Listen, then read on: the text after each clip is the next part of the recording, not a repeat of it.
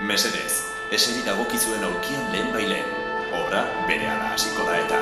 Harren, itzali Toska, salantzari gabe, operazaleek gehien maite duten obretako bat da. Hori bitxi samarra izan daiteke, kontuan hartzen badugu kontatzen den istorioa nahiko gordina dela eta gai asko nahasten dituela. Baina aurrera egin aurretik, antzeslaneko hiru pertsonaia nagusien aurkezpena egitea komeni da. Baita haien arteko harreman korapilatsuarena ere. Hiru pertsonaia, hiru artista, bakoitza bere erara. Alde batetik, Floria Toska dugu, publikoaren aurrean bizitza irabazten duen artista, abeslari eta aktorea. Gainera, maiorekin maiteminduta dagoen emakume bat da, emakume fededuna eta inguruan duen munduan inoiz ezer aldatzea pentsatu ez duena. Bere bizitza, bere artea da, bere maitasuna eta bere beldur den jainkoaren aginduak betetzea.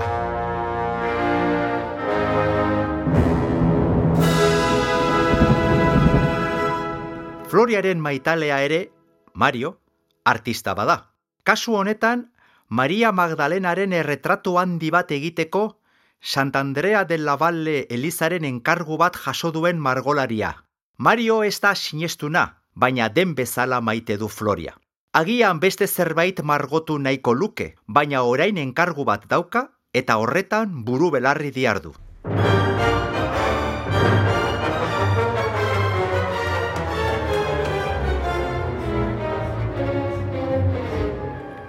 Eta azkenik, eskarpia ere artistatzat har liteke, pertsonak sufriaraztea artetzat hartuko balitz. Bera da estatu absolutistako polizia burua, eta bere zeregin nagusia da iria etxaiez garbitzea, status quo politikoa defendatzea eta liberalei eta askatasuna irrikatzen duten gainerako jendailei jasartzea.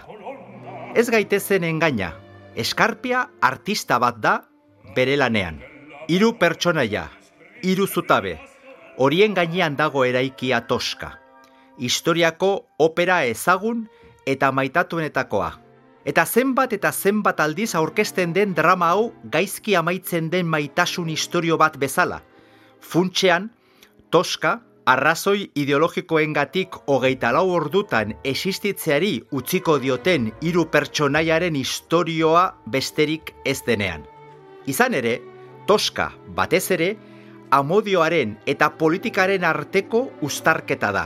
Bi kontzeptu horiek, printzipioz, zailak dirudite zuzen kombinatzen, eta hala ere, putxinik erabateko maixutasunez egiten du. Ikus dezagun nola lortzen duen.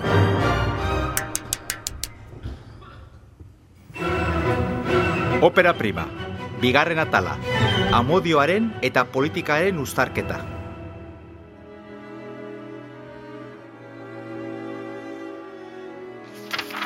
Giacomo Puccini, emeretzi garren mende amaierako eta hogei garren mende hasierako opera kompositore italiarra izan zen. Bere ikuskerak aurrera pauso nabarmenak ekarri zizkion musikari, eta hogei garren mendean zinea zuzenduko zuten musikaren kontzeptuen sortzailetzat jotzen da. Alemaniako eta Italiako opera teknikak bikain erabiltzeko gaizen opera kompositore bakarretakoa izan zen, Giuseppe Verdiren oinordekotzat jotzen da.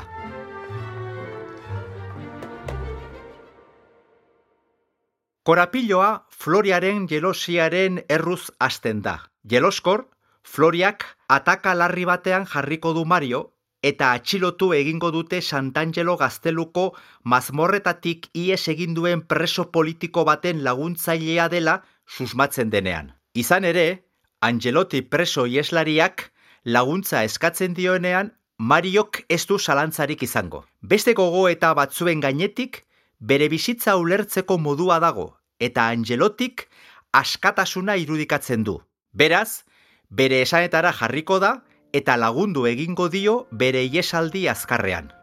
Floriak, berriz, gaizki interpretatuko du Marioren portaera arraroa, eta maitasunezko flirteo klandestilo baten susmo txarra hartuko dio.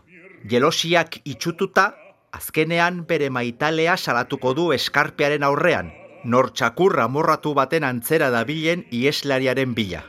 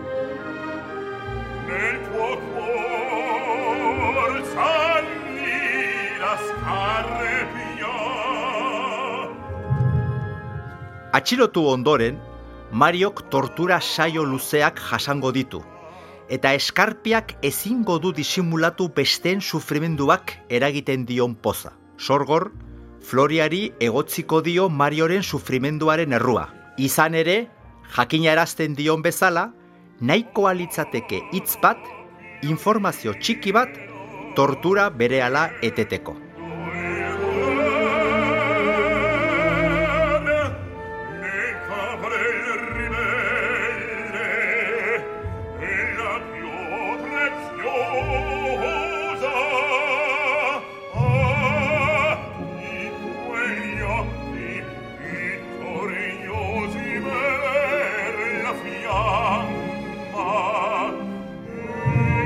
Torturaren gailurra, biktima, biktimizatua.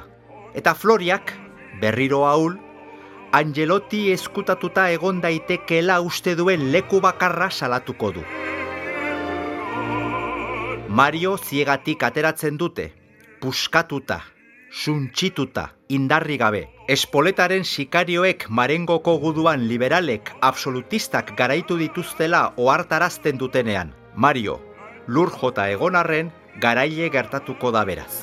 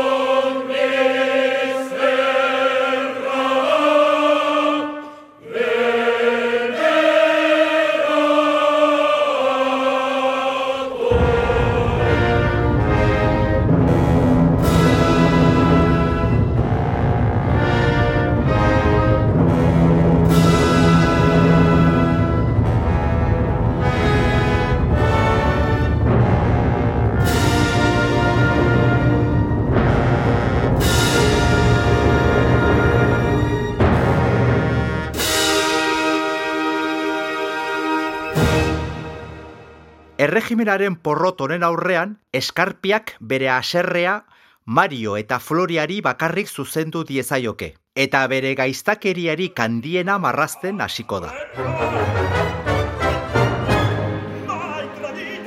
Floriari Marioren bizitza barkatuko duela sinestaraziko dio. Floria eskarpiari eskaintzen bazaio.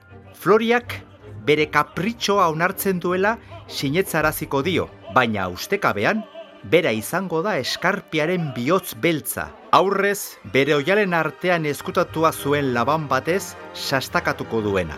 Uste gutxienean, eskarpia, erromako izurik handiena, emakume ahul baten eskuek hilko dute.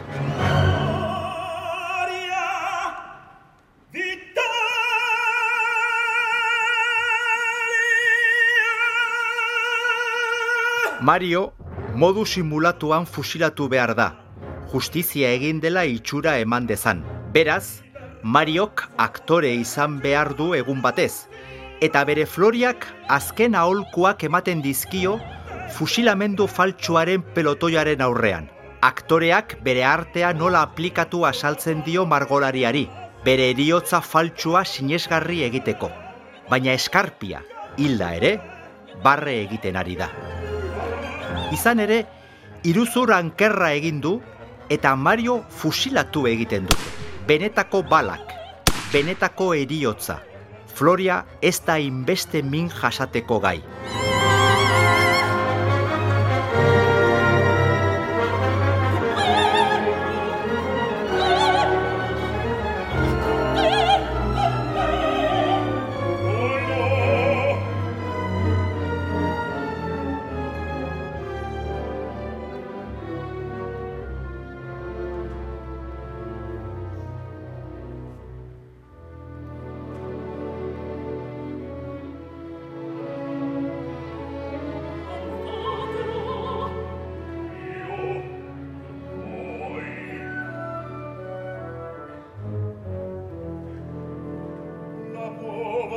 piace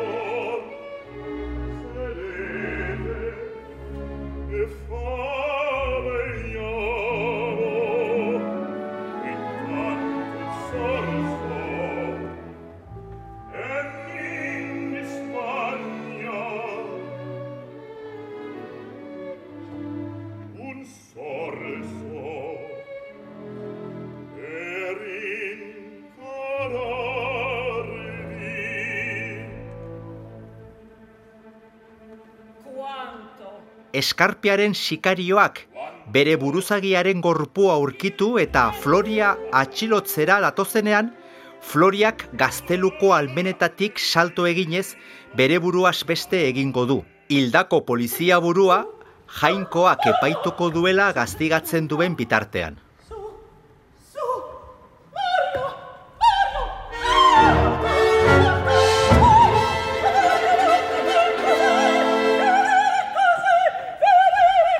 Hogeita lau ordu besterik ez dira igaro, eta hiru bizitza suntxituta geratu dira.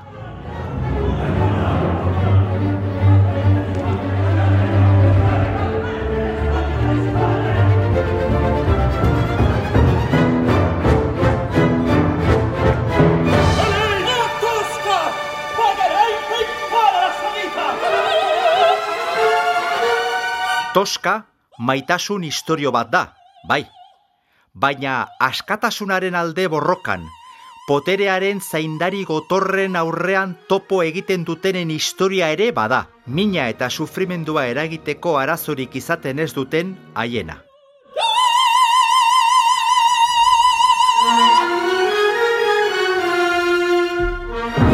Toska, politika eta maitasuna batzen dituen opera.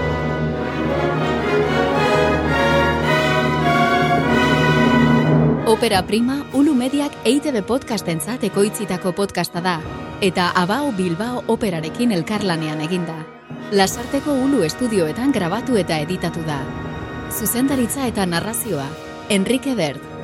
Gidoia, Enrique Bert, Martin Etxeberria eta Xavier Etxeberria. Soinu diseinua, Jon Gartzia eta Oier Arantzabal. Arpidetu eta entzun opera prima EITB podcasten, edo audioak entzuteko darabiltzun dena delako plataforman.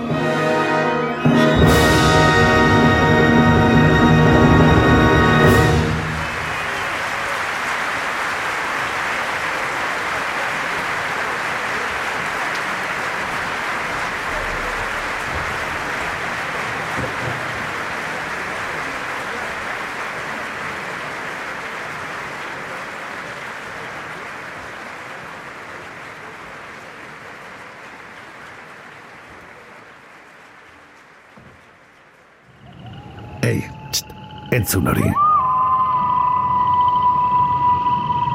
Ulu Media.